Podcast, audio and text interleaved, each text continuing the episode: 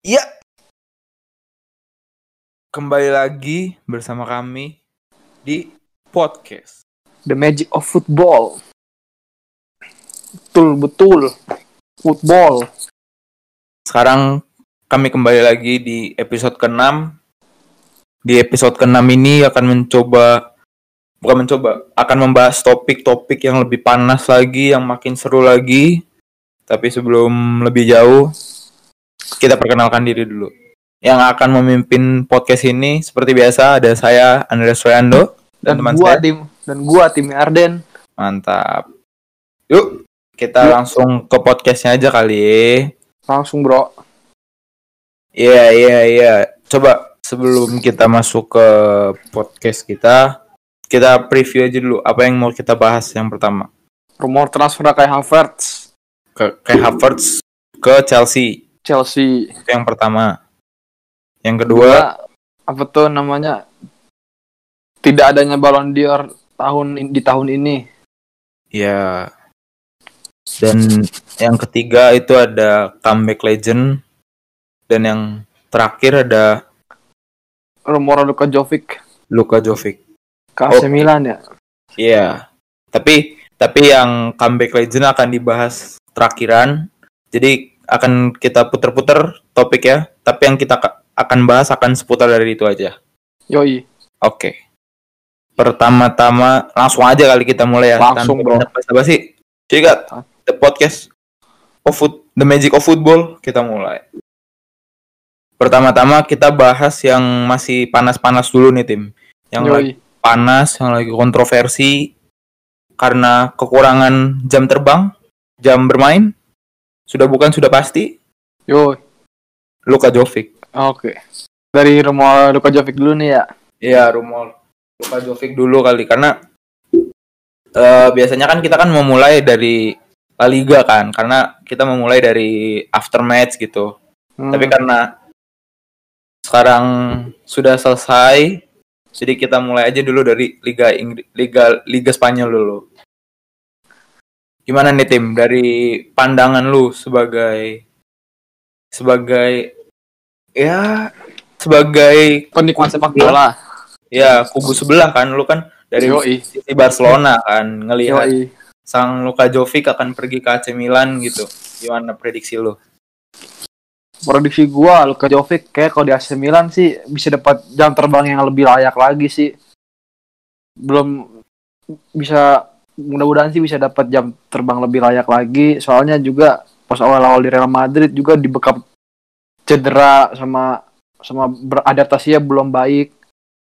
Dan Jovic juga kalau gue bilang di Real Madrid yang musim pertama oke lah masih lah dibanderol 60 juta euro dan cuma kontribusinya cuma dua gol ya kalau nggak salah ya musim ini ya.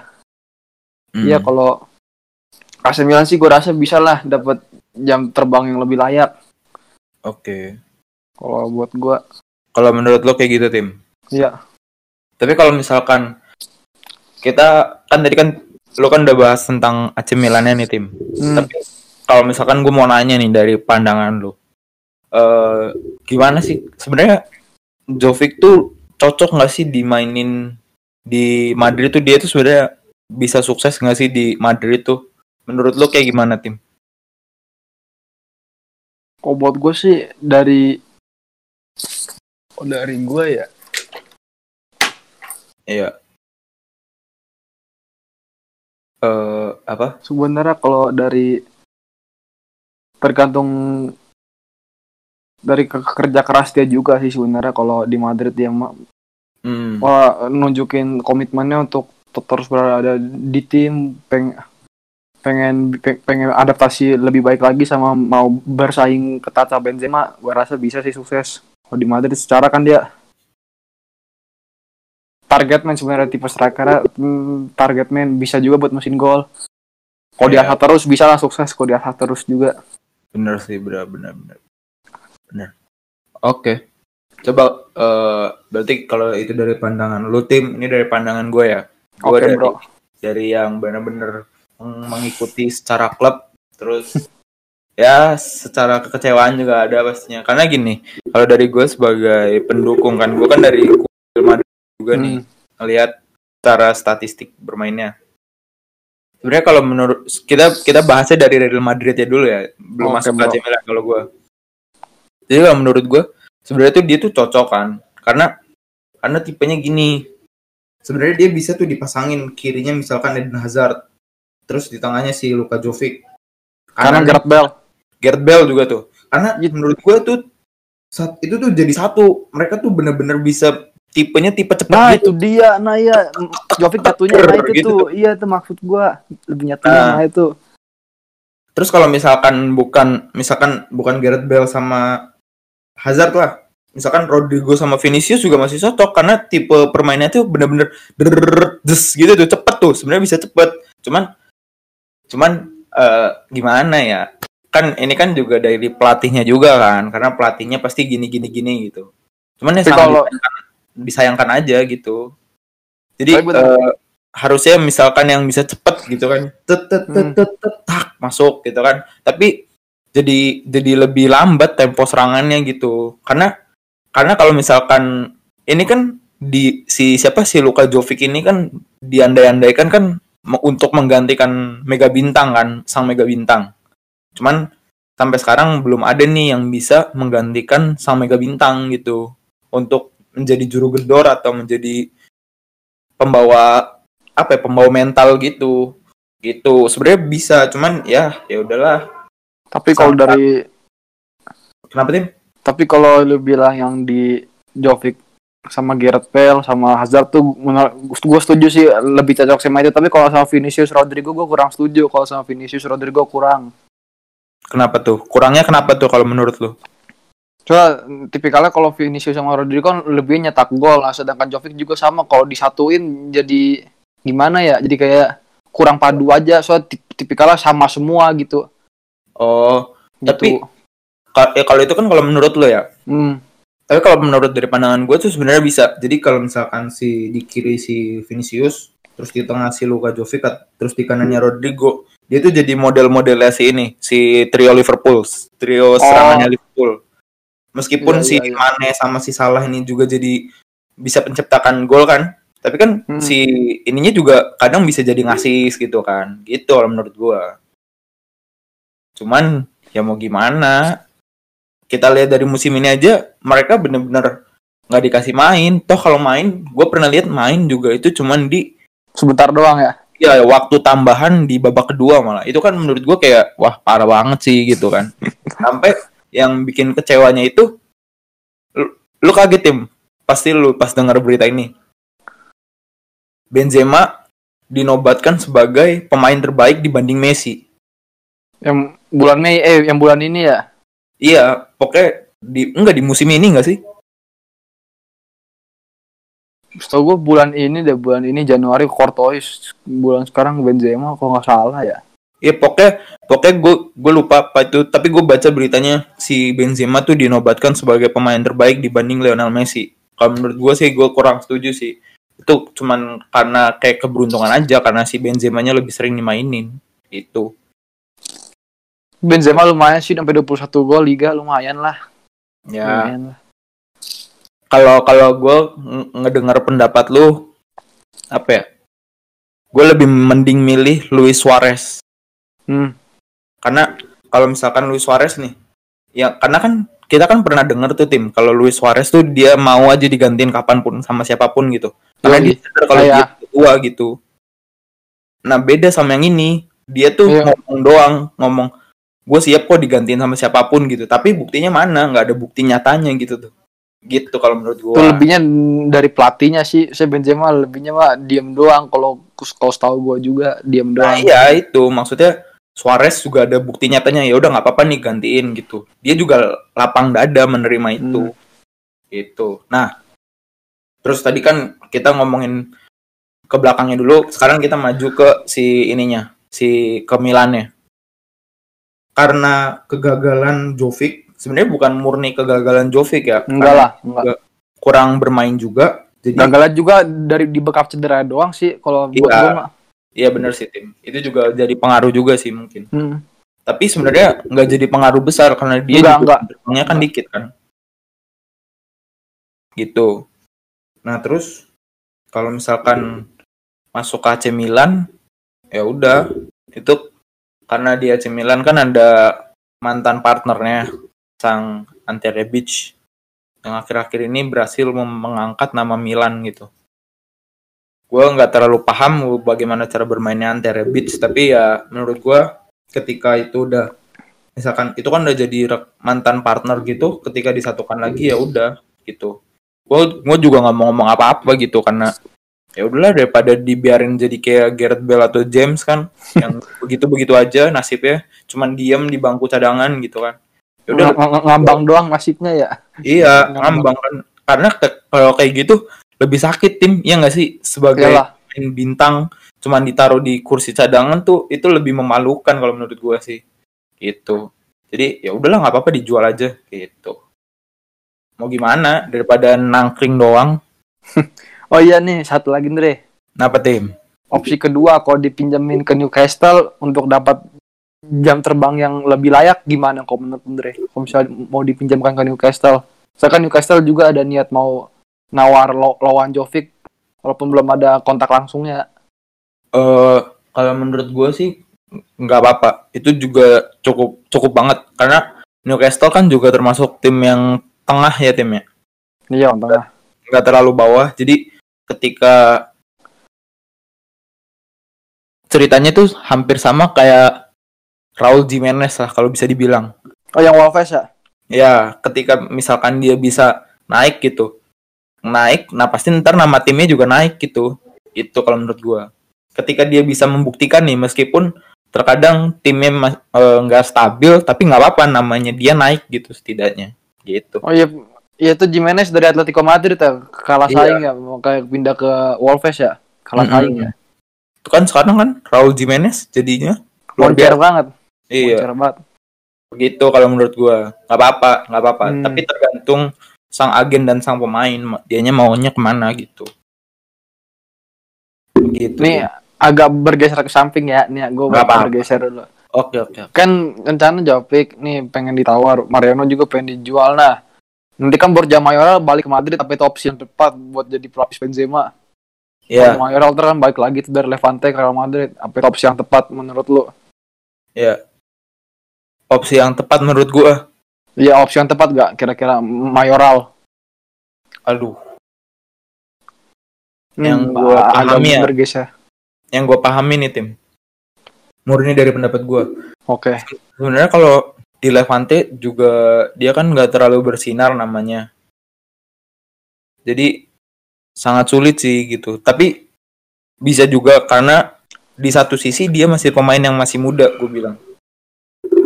Masih muda masih masih seger masih hangat. Jadi bisa tapi nggak nggak nggak se apa ya nggak sesangar Mariano Diaz atau Luka Jovic gitu kalau menurut gue karena dia kan apa ya dia cuman pas itu tuh cuma beberapa permainan doang yang namanya bisa mengguncang tapi itu juga sebentar doang. Ini sebentar doang. Sampai akhirnya kan dipinjemin kan nggak nggak ada lagi namanya di papan pemain gitu. Enggak sih kalau menurut gue Bu- bukan opsi yang tepat ya? Bukan opsi yang tepat. Setidaknya kalau misalkan itu si Borja Mayoral ini jadi kedua cadangan kedua ketika jadi ada pemain yang striker yang lebih baru lagi gitu sih kalau menurut gua. Oke. Langsung next aja kali ya. Boleh boleh. Sekarang kita masuk ke ke mana tim? Ke transferan masih transferan? Berarti transparan ke kita menyeberang ke pulau sebelah yaitu Liga Inggris. Kayak Havertz. Siap. Nih? Havertz ada apa nih ada apa nih? Chel- Iya nih transfer kayak Havertz ke Chelsea nih kayak udah makin deket aja gitu semakin dekat. Bukannya udah deal ya? Kayak Havertz ke Chelsea? Iya tinggal selangkah lagi udah diperkenalkan gitu kayak Werner sekarang. Oh iya. Bedanya Werner udah nonton di cadangan. Stamford, eh, iya, udah Stamford Bridge ud- udah masuk. Havertz Betul. belum. Apa nih nih. Poin apa yang mau lu bahas nih tim masuk ke kayak Havertz ke, Chelsea ya apa masuk ke kayak Havertz ke Chelsea men- kalau menurut lu gimana sih buat pemain muda lainnya kayak Mason Mount sama Bill Gilmore gitu masuk kalau ada kayak Havertz bakal ada persaingan di lini tengah kah atau malah posisi pemain mudanya malah tergeser gitu sama kayak Havertz. Boleh, boleh, boleh. Boleh juga pertanyaan lu. Eh ini dari pendapat gue dulu ya. Oke, Bro. Eh lu lu tau nggak sayap kanannya si Chelsea siapa? Willian Willian ya? sama Hakim Ziyech kan Ziyech udah masuk juga. Oh iya. Ya Hakim Ziyech tuh udah masuk sih. Hmm. Ziyech sama Willian. Tapi kan untuk menuntaskan musim ini kan masih belum bisa bermain kan. Belum. Cuma join latihan doang sekarang mah. Ya. Eh ini sih kalau menurut gua yang gua tahu itu Kai Havertz itu adalah se- seorang gelandang serang atau pemain sayap kanan. Jadi karena kan kita kan tahu kan tim kalau Hmm. misalkan si Willian ini adalah seseorang yang sangat berintegritas kepada Chelsea. Cuman eh, Chelsea tersebut tidak tidak tidak menunjukkan rasa integritas tersebut karena yang kita tahu itu Willian itu meminta kontrak sekitar tiga tiga tahun. Iya dua tahun tiga tahun ya.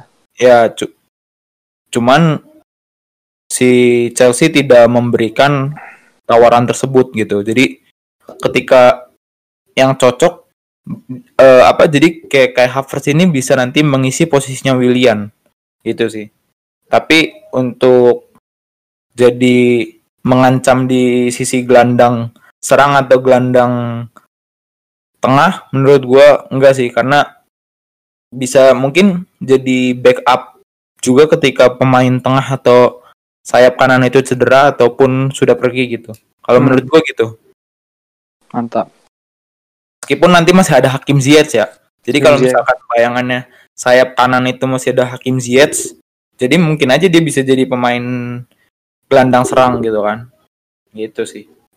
Kalau menurut gua gitu. Nggak nggak bakal mengancam karena eh di situ kan mereka kan sangat profesional menurut gua. Chelsea itu tim yang bisa dibilang pelatihnya tuh memaksimalkan semua pemain gitu. Jadi kayak nggak ada pemain yang kayak sia-sia gitu. Cuman iya iya. bagaimana dia pintar aja mengatur pemain-pemainnya untuk tanpa tanpa apa ya, tanpa dilirik media dengan pilih kasih gitu kalau menurut gua. Hmm. Gitu sih. Nih satu lagi nih. Kenapa? Kan musim depan nih lini depannya nih.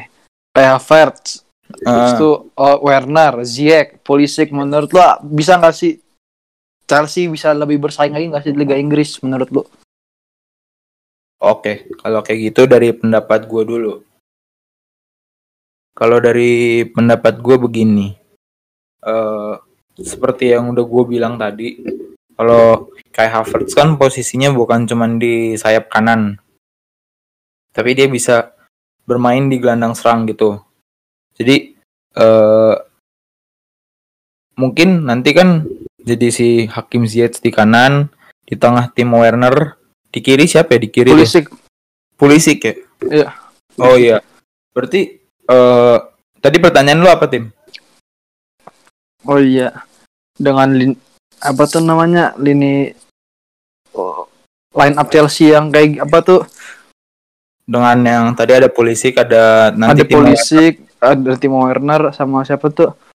Hakim Ziyech sama kayak Havertz apakah bisa membuat Chelsea lebih bersaing di Liga Inggris musim depan gitu? eh, kalau menurut gue ya abis dari gue dentar dari lu ya tim ya. Oke, Bro. Kalau dari gue gini, kita lihat aja statistiknya musim ini gitu. Dia belum diperkuat dengan pemain-pemain barunya aja. Menurut gue udah cukup fantastis sih. Bisa bisa stop di posisi keempat gitu. Meskipun tergeser sama MU ya, tapi poinnya masih seri gitu menurut gue. Hmm, cuma kalah selisih gol gitu. Iya. Cuman jadi menurut gua eh, dengan karena kan Chelsea kan belum ada pemain baru. Maksudnya yang benar-benar baru tuh belum ada kan. Beda cerita dengan MU. MU tuh udah didatengin sama Bruno Fernandes. Oh, langsung bangkit tuh. Ya itu kan maksudnya eh, baru cuman kedatangan Bruno Fernandes aja tuh baru bisa bangkit kan. Sedangkan Chelsea yang menurut gue dia tuh musim ini belum mendatangkan siapa-siapa tapi bisa clear di posisi keempat itu. Itu menurut gue udah sebuah ke kehebatan lah. Apalagi nanti di musim depan kedatangan tuh kayak Havertz, Timo Werner, terus ada Kim Ziyech, siapa lagi? Udah tiga itu. Ya baru tiga itu sih.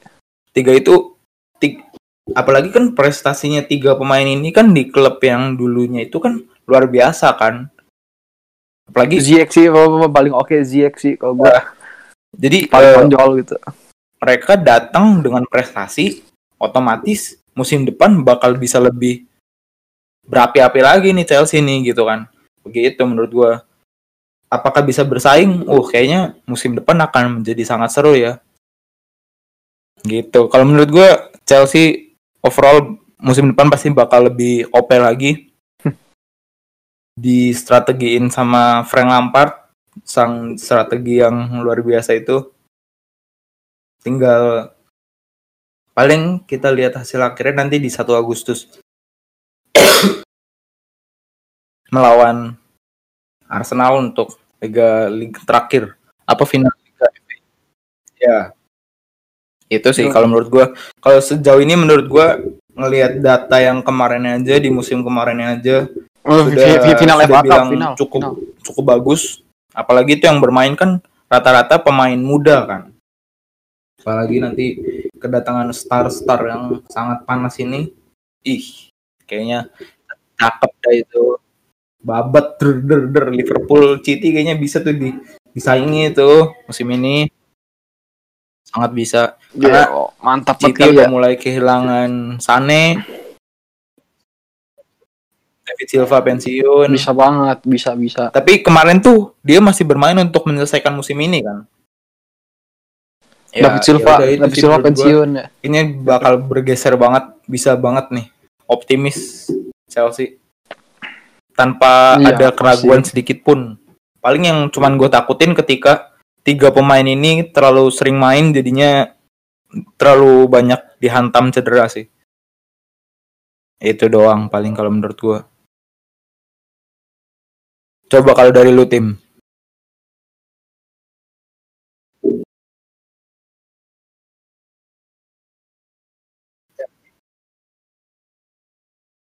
Kalau dari gue sih musim depan kayaknya bisa lah juara juga bisa sih kalau menurut gue juara. Chelsea dengan main-main barunya. So, menurut gue musim depan Chelsea bakal bangkit yeah. sih, gue apalagi apalagi udah ada main baru gitu apalagi sama pemain-pemain mudanya yeah, pada bener, pada padu sama pemain senior. Ya, oh iya. Gua ada oh, kemungkinan dari bisa menambahin dikit tim di Premier League Chelsea. Kalian nanya dari pendapat lo nih. Kalau gue masih dari gua sih itu aja akan ya. membahas sedikit tentang kekecewaan gue dari salah satu tim saya ini Apa yang itu? saya dukung ini menurut lo apakah Chelsea akan tiba-tiba menjadi seperti sosok Real Madrid yang dengan datangnya pemain baru terus langsung ditinggal tiba-tiba gitu. Pemain yang kemarin-kemarin sudah berjasa tiba-tiba jadi apa akan digantung aja seperti itu gitu. Tanpa nasib yang jelas.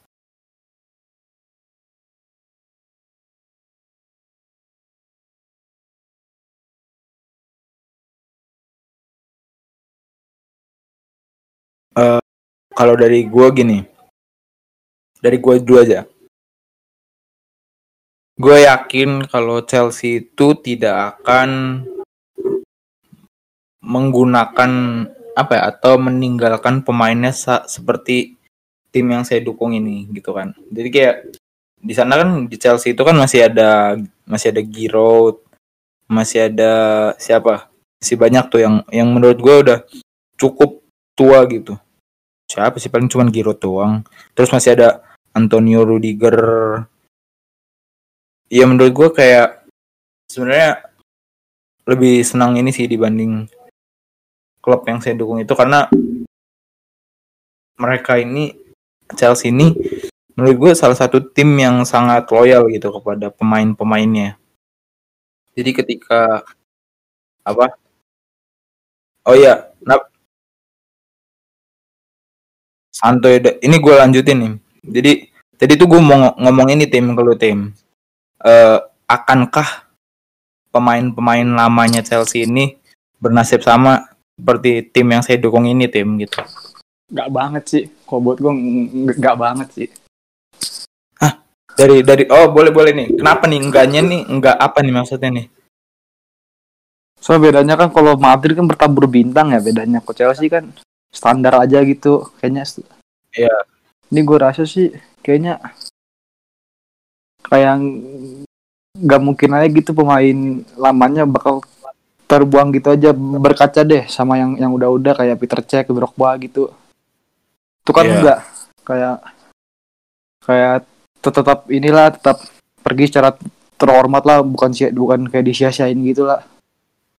ih mantep mantep tapi itu kan pelatihnya bukan Frank Iya, Lampard ya belum. pas itu ya belum belum kangen Lampard Iya benar sih. Setuju sih dari pendapat ini. Jadi maksudnya siapa pun itu pelatihnya, Chelsea itu tetap me, apa ya? Memberikan penghormatan terakhir Hmm. lah. Kalau misalkan dia mau pindah atau mau pensiun gitu, tetap, tetap sama diberikan penghormatan terakhir gitu. Ya nggak sih? iya kata gue tetap sama apalagi manajemennya juga beda ba- mm, beda banget sama Madrid sih. Iya sih. Itu itu menurut gue salah satu kelebihan dari tim Chelsea karena ya apa ya, mereka menghormati aja gitu karena ya inilah tim yang menurut gue loyal banget sama pemain-pemainnya. Meskipun udah nggak dipakai ya udah lebih baik langsung di loan atau dijual gitu daripada harus disia-siakan gitu ya manggut terus di kursi, kursi cadangan kan. Itu sih. Semoga aja nasib Chelsea bisa lebih menghormati para pemainnya dibanding tim saya. Gimana? Sudahlah cukup membahas tentang kekecewaan itu. Cukup cukup cukup banget. Oke kita masuk topik yang ketiga kali ini tim. Makin seru atau ini cuma perasaan saya aja? Ballon d'Or ah, ditiadakan ya Oke, ya balon balon dior, balon dior. Gimana kalau dari pendapat lu tim? kalau dapat gue sih udah Ballon d'Or ditiadakan sih kayaknya eranya Messi Ronaldo udah benar-benar habis sih dan tahun depan buat gue eranya Mbappe dan kawan-kawan sih kayak Mbappe Jadon Sancho gitu buat Ballon d'Or waktunya kalau buat gue Oke. kayaknya eranya Messi Ronaldo udah habis banget kayaknya kalau menurut gue ya Iya. Untuk merebutkan Ballon d'Or gitu maksudnya Iya sih benar juga ya. Jadi kalau tapi kalau misalkan berarti itu lebih lu berpendapat lebih ke ini sih ya berarti tentang kesedihan lu dari tidak adanya balon dior sih. Iya. Ya? So, kalau misalnya andai Iya. kata ada buat gue las banget buat Messi sama Ronaldo sih antara dua itu yang dapat kalau buat gue misalnya kalau ada seandainya Iya. Bener juga sih. Jadi kayak ya.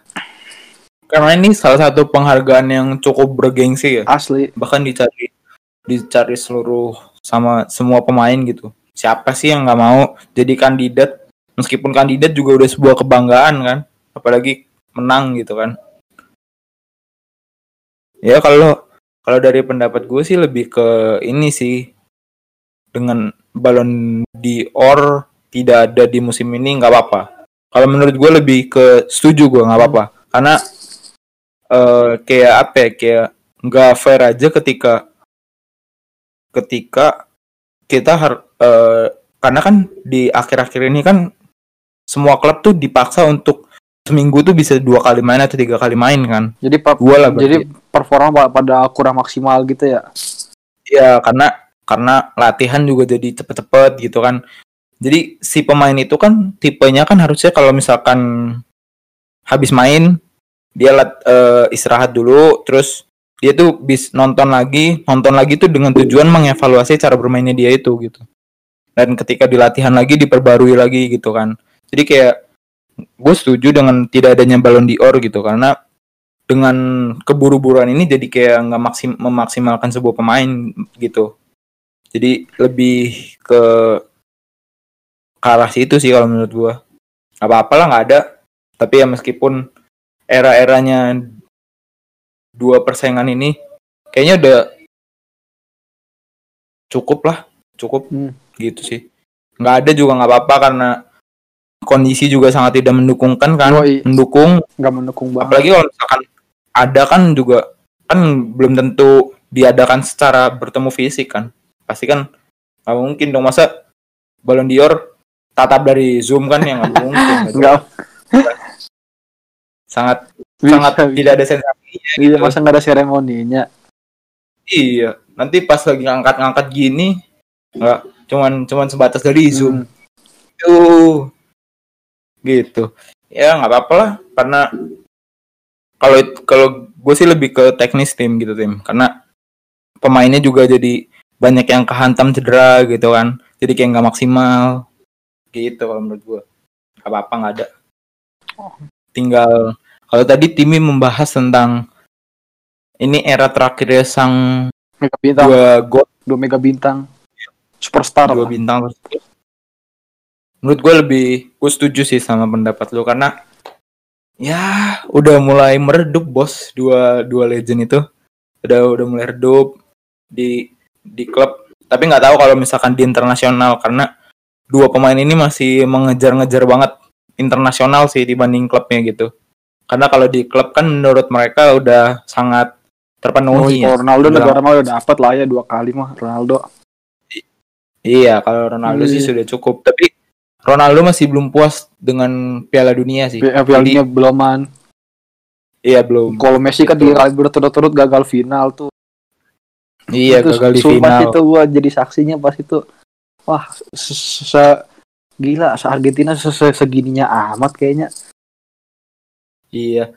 Aduh. Ya begitulah tim. Kayaknya ini udah mulai ibaratnya kalau misalkan di dalam pembuatan video tuh ini ya udah tahap paskanya aja tinggal pelan-pelan mem- lebih memajukan lagi Yoi. kayak tinggal yoi banget nanti siap-siap aja nih paling ada kandidatnya Erling Haaland, ada Mbappe, Haaland belum sih. Kok- Holland belum sih. Paling Mbappe Sanko gitu yang yang paling ya terdepan itu juga gitu. bisa lebih lebih bener-bener wah. pas- pasti lebih panas karena eh ini cakupannya nggak cuma dua gitu kan. Karena kita kan akhir apa selama ini kan cuman pilihan God tuh cuman dua yang paling sering ada tuh. Yoi. CR kalau nggak Messi. CR kalau nggak Messi. Gitu. Lebih bakal lebih meluas aja sih itu pasti lebih seru next aja kali ya. mau bilang next Boleh, boleh, boleh. Oke. Kita masuk di topik terakhir, Terakhir. di episode ke-6 tentang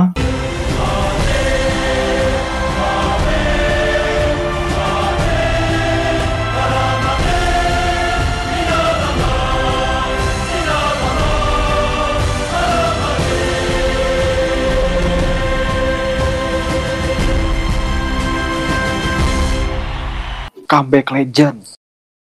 Ini ini ini dia yang saya tunggu-tunggu. comeback legend dari legend mana ini? Ini eh, legend ini nih memiliki dulunya berposisi kiper. Kiper sangat luar biasa di internasional maupun di klub. Dia adalah kiper yang luar oh, biasa. kalau di internasional Dan- jelas banget. Oh iya jelas banget itu. Oh. Kelas dong. Pernah jadi saksi ya juga pernah jadi saksi. Meskipun di gimana tim? Kalau misalkan di internasional meskipun dari back sampai depannya itu udah luar biasa kipernya juga nggak mau kalah dong. Yo i pasti ini udah uh, Uh. Spanyol emang oke banget sih pas pas itu. eranya ya di bawah pokoknya se- pokoknya sebelum Piala Dunia 2014 deh pokoknya eranya Spanyol banget Ih. deh pokoknya. Itu hebat banget. Dan pemain ini juga adalah sama ini juga bentuk kekecewaan juga sih karena di klub itu ya udah nasibnya sama aja kayak yang akan-akan terjadi seperti ini pas lima gitu. tahun silam ya Iya, ya kecewa. oh iya Bu- bukan Oh iya, lagi belum lagi pas sama Mourinho dicadangin pas gara-gara insiden tangannya diinjak gitu ya tangannya diinjak yang mana tuh? Kok gue nggak tahu ya? yang ini yang kata 2013 yang Rey lawan Valencia cedera gara-gara cedera gara-gara teman sendiri Oh, kagak ah enggak Gua kagak tahu itu ya kagak tahu kayaknya. ya pokoknya setelah insiden itu dicadangin mulu sama bersih tegang mulu sama Mourinho pokoknya gitu dah Iya sih. Kalau gue kalau sama Mourinho nggak kaget karena Ozil juga digituin kan pas lagi zamannya Mourinho. Oh, kalau Ozil gue kurang tahu. Nggak, gue, gue kurang tahu kalau Ozil. Kurang tahu gue. Oke. Oke. Dari tadi dari clue-clue yang sudah kita jelaskan sudah tahu dong Siapa siapa, seseorang yang comeback legend ini Yoi. sudah jelas. Kapten Teladan, Iker Casillas. Kapten. Oke, Iker Casillas, bro. Yoi, bro. Apa nih tim? Kalau gue gue pengennya dari pendapat Oke. lu dulu deh sebagai Dengan kami kayak Orang luar sebagai penasehat klub menurut lu gimana nih dampaknya buat manage Oh, Eh, kalau gua- dari gua dulu nih. Iya dari lu dulu aja. Oke. Boleh boleh. Nih. Dengan adanya Iker Casillas eh, sebagai penasihat klub gimana nih sama manajemen Madrid kan yang gua tahu dia tuh Iya. jadi penasehat yang kayak ngebantu Florentino Perez gitu. Menurut lu gimana nih dampaknya buat klub? Buat klub gitu gimana menurut lu? Apakah bakal, nih, apa- apakah bakal lebih ngorbitin main muda gitu sama atau gimana lah? Oke, kalau dari gua kayaknya gua lebih gua lebih berekspektasi sih tim kalau dengan adanya Iker Casillas ini. Karena ekspektasi gue gini, eh Iker Casillas adalah seseorang yang me, apa ya, seseorang yang melambangkan dengan kehebatannya saja masih bisa tidak dihargai gitu oleh siapa pun pelatihnya gitu kan. Jadi dengan hadirnya dia dengan dat kembalinya dia ke Real Madrid sebagai penasehat ya bukan pemain. Mungkin menurut gue dia adalah sebuah simbol yang akan atau sebuah orang yang akan menggerakkan bahwa siapa pun pemainnya meskipun mau kurang mau, mau bagus dia akan menunjukkan bahwa lu nggak apa-apa udah masuk sini lu mau pergi atau mau ini gue tetap akan menghargai lu sebagai pemain salah satu seorang pemain. Hmm. karena dia adalah simbol seseorang yang hebat tapi tidak dihargai pada akhirnya juga dan di dibuang begitu saja. Jadi menurut gue ekspektasi gue gitu. Lebih ke ketika ada pemain-pemain hebat ya tapi gua tapi ng- tapi gua ng- ng- ngerti poinnya apa tadi. Ngerti gua. Ngerti tadi. Oke. Coba-coba apa tim? Apa tim? Tadi yang lu maksud tuh apa ya? Apa tuh namanya? Pokoknya siapa pun mainnya yang datang ya kayak bakal dihargai gitu kan ya? Ya benar lebih lebih ke kayak gitu sih menurut gue karena sudah su- kita seba- maksudnya gue ya gue sebagai fansnya Real Madrid sudah hal ini nih udah jadi biasa Hmm. gitu. Udah jadi bukan hal yang baru banget. Jadi ketika ada pemain yang pergi tiba-tiba pergi tanpa ada penghargaan gitu ya udah nggak kaget gitu. Jadi dengan adanya Iker Casillas mah lebih lebih lebih punya hati lah untuk menghargai pemain gitu sih gitu kalau menurut gua Oke. ekspektasi gua gitu oke oke kayaknya gimana kalau lu Tim? Dari gue sih kayaknya bakal bisa lebih ngebantu manajemen buat ini sih lebih kayak ngelola main akademi gitu kalau dari gua bisa ngelola main Oke. akademi lagi kayak kayak yang udah-udah di musim-musim sebelum-sebelumnya lah. Kalau menurut gue sih bisa lah oke cukup bisa bentuk eh, bentuk eh, regenerasi lagi. Iya, ya benar benar benar. Benar. Kalau misalkan Timi membahas dari sisi akademik kayaknya benar juga. Mungkin bisa juga. Jadi kayak karena kan dengan perjalanan panjangnya Casillas kan pasti dia sangat bijaksana pasti ya timnya. Yoi. Tidak mungkin. Pasti sih. Ya, itu sih eh, kalau dari harapan Timi kayaknya bener bisa juga. Bisa. Boleh, boleh, boleh. Ah. Semoga aja musim depan jangan ada lagi pemain seperti ini terjadi. Dan kab- kabarnya ini, ini udah resmi tim. Kabarnya sudah Kasila sudah resmi menjadi penasehat klub dan dia datang dengan sangat senang hati. Yoi. Hebat ya. Yoi lah. Gua sedikit nih tim, sedikit nih tim. Sebelum kita sudahi. Jadi eh, kalau misalkan gue sebagai orang yang di posisi Iker Casillas nih, karena dia sudah sangat all out banget mengeluarkan all out dalam latihan, dalam jadi kiper yang menurut gue sangat luar biasa itu, dia udah sangat all out Tapi ketika di, tidak dihargai begitu saja pasti hatinya sakit dong. Karena kecewa banget lah kayak gitu. Tapi tetap- gitu kan. Cinta Madrid sih bagus sama tetap cinta. Itu yang Waktu dia pergi dari Madrid, di mana pun saya berada, saya tetap hala Madrid. Pokoknya. Iya, itu menurut gue hatinya sangat tabah banget sih, sabar banget. Meskipun diharga tidak apa terakhir ya dibiarin pergi begitu aja dia tetap sayang sama klub lamanya. Luar biasa. luar biasa Iker. Ya Casillas. Oke. Kayaknya ini aja topik dari episode ke-6. Gimana tim? Ya cukup sih dari situ ya udah sekian sih. Kayaknya Cukup udah ya. cukup banget sih. Oke, kita berarti kita sudahi saja episode podcast episode Enam. 6 ini. Oke, tim, boleh ditutup? Oke. Terima kasih sudah mendengarkan podcast kami di The Magic of Football. Gua Tim Yarden dan rekan gua Andreas pamit Royando. undur diri dan sampai jumpa di episode lainnya. See you next time. Siap. Terima kasih semuanya. Yoi.